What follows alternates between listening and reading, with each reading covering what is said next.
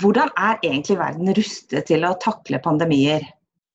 Det er spørsmålet som vi skal få svar på i denne tredje utgaven av pandemipodkasten til eh, Senter for utvikling og miljø ved Universitetet i Oslo.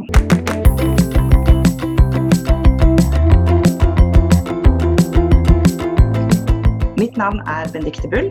Jeg er professor ved SUM og jeg tar kontakt med mine kolleger som sitter på hvert sitt hjemmekontor, for å få spørsmål, svar på de spørsmålene jeg vanligvis ville ha spurt dem om eh, over, ved siden av kaffemaskinen på Zoom.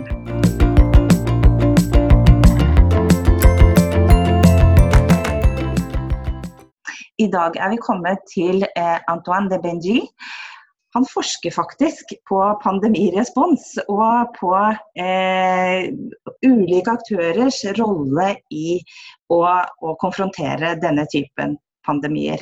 God morgen, Antoine. God morgen. Dette her må jo være som julaften og bursdag samtidig for deg. Du, liksom bare, du får eh, rett og slett, du behøver ikke å dra noen steder, du får informasjonen til din forskning rett inn i øret og opp i fanget?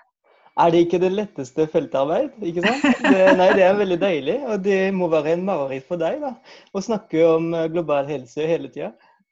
Ja, For meg, ja, som alltid har valgt bort helse, helsefag, så syns jo jeg ikke det er så gøy. Så derfor, men så nå har jeg bare skjønt at jeg kan ikke velge det bort.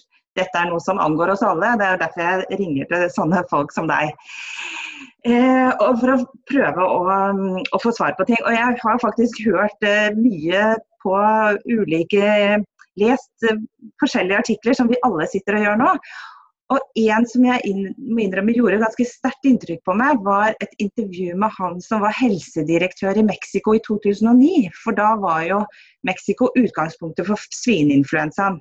Og så snakket han om selvfølgelig da, hvordan verden kunne takke Mexico for at dette ikke ble verre enn det ble den, den, gangen. Men så sa han noe annet interessant som jeg hadde lyst til å spørre deg om. Og det er um, Han mente at Verdens helseorganisasjon og i det hele tatt eh, på en måte internasjonale organisasjoner var mye bedre rustet til å takle det den gangen enn det de er nå. Er du enig i det? Ja, delvis. Eh, jeg vil si det, det er kanskje to uh, store forskjeller med 2009. Og Det første er det internasjonale uh, miljøet, som ikke er veldig godt nå for multilateralisme eller mellomstatlig samarbeid. Og det gjør at jobben fra Verdens helseorganisasjon blir veldig utfordrende. Selvfølgelig når det er Trump og andre som, sier, som kjører hver sin vei. da. En annen forskjell er også at uh, globalt samarbeid mot pandemi-influensa er mye mye mer omfattende enn for andre sykdommer, som f.eks. koronavirus. Så, uh, og Grunnen til det er at eksperter har alltid vurdert influensa som, uh, som størst trussel, basert på erfaring fra den såkalte spanske influensa fra 1918. Eh, også eh, fordi influensavirus eh, dukker opp regelmessig. Så eh, samarbeid, altså de reglene det styresett eh, rundt influensa, er mye mer eh, omfattende enn rundt andre sykdommer. Men så det er sagt, er jeg bare delvis enig, fordi Verdens helseorganisasjon har så lært ekstremt mye fra de erfaringene fra 2009 hos svineinfluensa, og særlig ebola i 2014 og 2015. 15, og de har gått gjennom en god rekke reformer. Og de, jeg mener at de gjør en uh, utmerket jobb nå, sammenlignet med det de gjorde før. da. Hva er det de har lært? Hvordan oppfører de seg annerledes nå enn den gangen? Um, Altså, De har eh, gått gjennom en del interne reformer, og det gjør at de er mye mer effektive å snakke mellom det globale verdenshelseorganisasjonen, også de regionene og landoffices. Og, og, Det gjør at det blir mye mer effektivt. Og så er de en veldig sterk direktør, dr. Tedros, som går ut i media hver dag og uttaler seg veldig tydelig og har altså veldig tydelig budskap. da så um, de har også gått, uh, inngått avtaler med private sektorer, som f.eks. Uh, Facebook. Og nå har de lagt en uh, WhatsApp-meldingssystem hvor du kan få direkte informasjon for å ikke bli smittet av fake news og infodemics og sånn. Så det, de har, de er gjort ganske mye, egentlig. For Jeg har alltid lurt på liksom, hvordan, eh, hvordan får de tak i disse tallene? Altså, jeg sitter og følger med på sånn der, du ser liksom, eh, hvor mange som dør i verden og hvor mange som og sånne apps. Men hvor kommer den informasjonen fra, og hvordan, hvordan samler de den sammen? Hvordan ser liksom arbeidsdagen ut for disse folka akkurat nå? Nei, de har det travle, det kan man si. Eh, altså, Verdens helseorganisasjons største og viktigste rolle er å, å, få til koordinering på det globale nivået. Så de henter data fra alle land. Og det kan være nasjonale helsemyndighetene som sender inn data til Verdens helseorganisasjon, eller det kan være de, de byråene de har i forskjellige land som eh, videreformidler eh, informasjon da, til, eh, til hovedkontor. Um, så nei, altså det er et, eh, et såkalt internasjonalt helsereglement. Så det er en juridisk bindende uh, internasjonal avtale som, som, tvinger, altså som statene har forpliktet seg å følge, og som gjør at uh, um, samarbeid uh, under Verdens helseorganisasjon er ganske bra organisert i teorien. I, I, teorien, ja. Men hvordan, det er sikkert mye som ikke helt fungerer i praksis. Men jeg hadde lyst til å spørre deg om en ting. fordi Før du begynte liksom å ta for deg pandemier generelt, så eh, forska du på eh, reaksjonene på ebolakrisen. Og eh, Det som er den store frykten nå, er jo hva når dette er, sprer seg i fattige land og i Afrika, Asia, Latin-Amerika. Hva skjer da? Men så er det noen som snakker da om at Afrika faktisk lærte mye, eller afrikanske land lærte mye av ebola. Hva var det de lærte? Ja, de har lært mye av ebola, og de har lært eh, mye av mange tiårene å kjempe mot farlige epidemier som hiv, malaria, tuberkulose osv. Så, videre. så de har jo hatt eh, eh, dessverre veldig lenge erfaringer med å kjempe mot epidemier. Ehm, jeg vil si at det de har eh, gjort annerledes siden ebola, det har vært mye mer samarbeid mellom afrikanske stat. Og F.eks. har de eh, lansert, eller, ehm, lansert en eh, afrikansk Center for Disease Control, altså en slags folkehelseinstitutt som er finansiert av afrikanske land, og som, som, prøver å få inn data fra alle afrikanske land og koordinere en slags respons man ser også at f.eks. da det var en ebolaepidemi i Kongo, har mange afrikanske land sendt inn eh, helsepersonell for å hjelpe Kongo å kjempe mot ebola. Men jo, altså den responsen vi ser nå, har jo også noen skumle, litt sånn skumle sider. Jeg ser jo I Latin-Amerika, som jeg følger med på, så blir folk arrestert og putta i fengsel med mange andre f.eks. Eh, for å bryte karantenereglene. Vi ser, vi ser militære på banen overalt. Eh, og en, en, del litt sånn autoritære tendenser. Men hva tenker du er Nå sitter jo du og ser på rollefordeling mellom ulike aktører. Hva tenker du er rollen til militære f.eks.? Og er du bekymra for at det kan at de kan få for stor makt? Ja, jeg syns det er veldig skummelt, egentlig. Eh, det er en, en stor debatt som er pågående angående um, rolle av militæret. Eh, og siden ebola har ting forandret seg. fordi For første gang i mange mange år har eh, ebola gjort at noe militære ble direkte involvert i responsen ved å, å implementere karantene. Altså å stenge ned nabolaget i noen byer. Og det kan fort bli stygt, fordi eh, disse militærene, eh, altså befolkningen, ikke nødvendigvis har tillit i dem. De kan være samme styrke som eh, drepte dem bare noen få måneder før. Så hvordan kan man ha tillit i dem? ikke sant? En andre mulighet for militæret å bli involvert er en mer som en støttende funksjon. Og det er det man ser i mange andre land, som f.eks.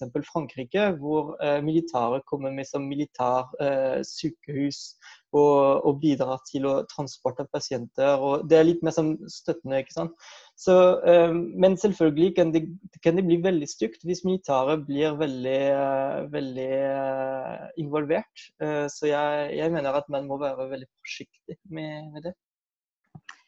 Et annet tema som du har forska på, det er jo forholdet mellom eksperter og politikere.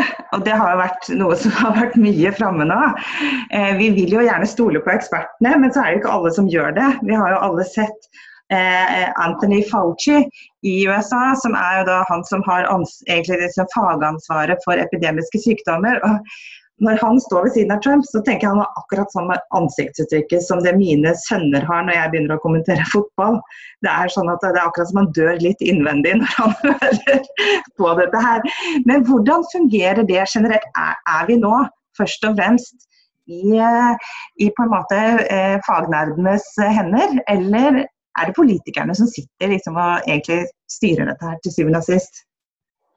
Ja, det er, det er, veldig avhengig fra land til land. da. Men uh, det jeg vil si er at uh, det er ekstremt viktig at ekspertene kan gi råd og, og, informere responsen, fordi de vet sannsynligvis best. Men så det er sagt, er det ekstremt usikkerhet over det man vet og det man tror kan virke. Og til slutt er det politikerne som står for ansvar for alt som blir implementert. Så det må være politisk. Og det er helt greit.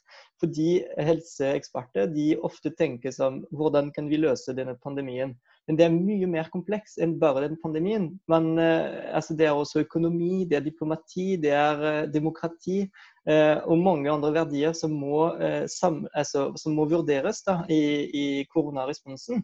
Og hvis man bare tar hensyn til helse, blir det veldig snevert.